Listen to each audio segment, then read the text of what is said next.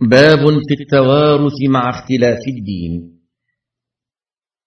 اختلاف الدين هو أن يكون المورث على ملة والوارث على ملة أخرى وتحت ذلك مسألتان.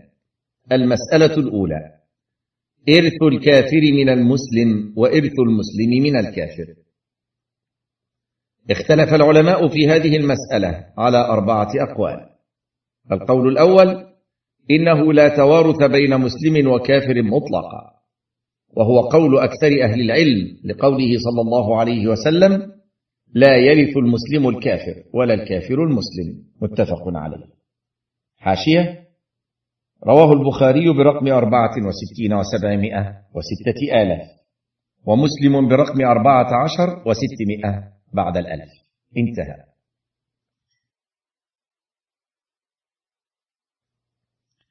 القول الثاني أنه لا توارث بين مسلم وكافر إلا بالولاء. لحديث لا يرث المسلم النصراني إلا أن يكون عبده أو أمته. رواه الدار قطني. حاشية. رواه النسائي برقم تسعة وثمانين وثلاثمائة بعد ستة آلاف. والدار قطني في الجزء الرابع الصفحة الرابعة والسبعين. والحاكم في الجزء الرابع الصفحة الثالثة والثمانين وثلاثمائة وعنه البيهقي في الجزء السادس الصفحة الثامنة عشرة بعد المئتين. قال الحافظ في الفتح في الجزء الثاني عشر الصفحة الثالثة والخمسين. فهو يدل على إرث المسلم لعتيقه النصراني ويقاس عليه العكس. وهو إرث النصراني مثلا لعتيقه المسلم. القول الثالث إنه يرث الكافر من قريبه المسلم إذا أسلم قبل قسمة التركة. لحديث كل قسم مسلم في الجاهلية فهو على ما قسم وكل قسم أدركه الإسلام فإنه على ما قسم الإسلام. حاشية؟ رواه أبو داود برقم أربعة عشر وتسعمائة بعد الألفين.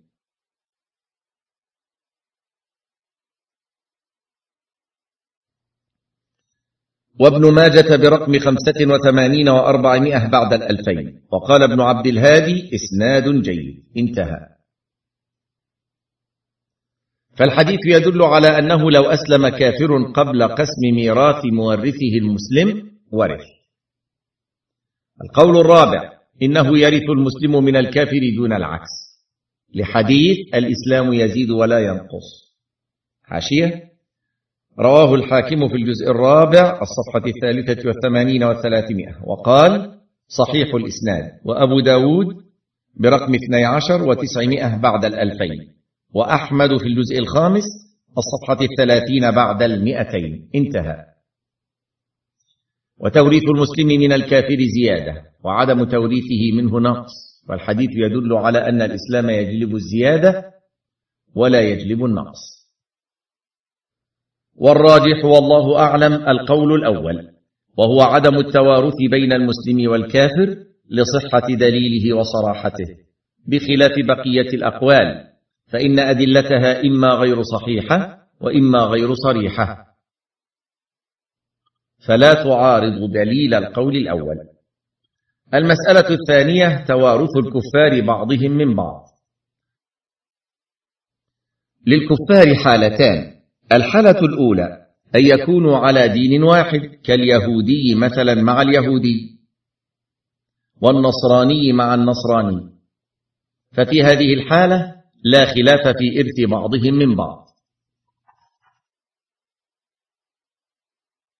الصفحة الرابعة والسبعون بعد الثلاثمائة. الحالة الثانية أن تختلف أديانهم كاليهود مع النصارى أو المجوس أو الوثنيين. ففي هذه الحالة اختلف العلماء في حكم توريث بعضهم من بعض. ومبنى الاختلاف هو هل الكفر ملة واحدة أو ملل متعددة؟ اختلفوا في ذلك على ثلاثة أقوال. القول الأول الكفر ملة واحدة وهو قول الحنفية والشافعية مع اتحاد الدار ورواية في مذهب الحنابلة وهو قول الجمهور إن الكفر بجميع أشكاله واختلاف نحله ملة واحدة فيتوارث الكفار بعضهم من بعض دون نظر إلى اختلاف دياناتهم لعموم النصوص في توارث الآباء والأبناء. فلا يخص من عمومها إلا ما استثناه الشارع لقوله تعالى والذين كفروا بعضهم أولياء بعض. القول الثاني إن الكفر ثلاث ملل فاليهودية ملة والنصرانية ملة وبقية الكفر ملة. لأنهم يجمعهم أنهم لا كتاب لهم فلا يرث اليهودي من النصراني ولا يرث أحدهما من الوثني. القول الثالث إن الكفر ملل متعددة. فلا يرث أهل كل ملة من أهل الملة الأخرى. بدليل قول النبي صلى الله عليه وسلم لا يتوارث أهل ملتين شتى. رواه أحمد وأبو داود والنسائي وابن ماجه. حاشية. رواه الترمذي برقم ثمانية بعد المئة والألفين.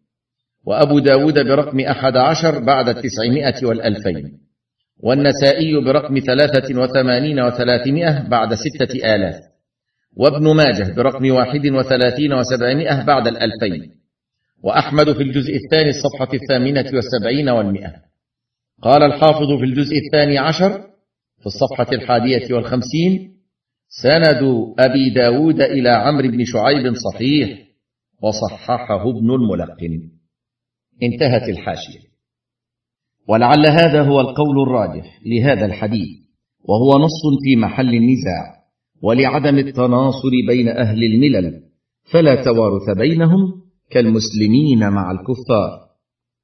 ولأنه قد تعارض موجب الإرث مع المانع من الإرث وهو اختلاف الدين لأن اختلاف الدين يوجب المباينة من كل وجه. فقوي المانع ومنع موجب الإرث فلم يعمل الموجب لقيام المانع. والذين يرون أن الكفر ملة واحدة يرون أن اختلاف الدار مانع من توارث بعض الكفار من بعض لعدم التناصر والتآزر بينهم. وهذا المعنى موجود مع اختلاف الملل. فعلى هذا القول الذي يظهر لنا أن الراجح أنه لا يرث النصراني مثلا قريبه اليهودي أو قريبه المجوسي أو الوثني.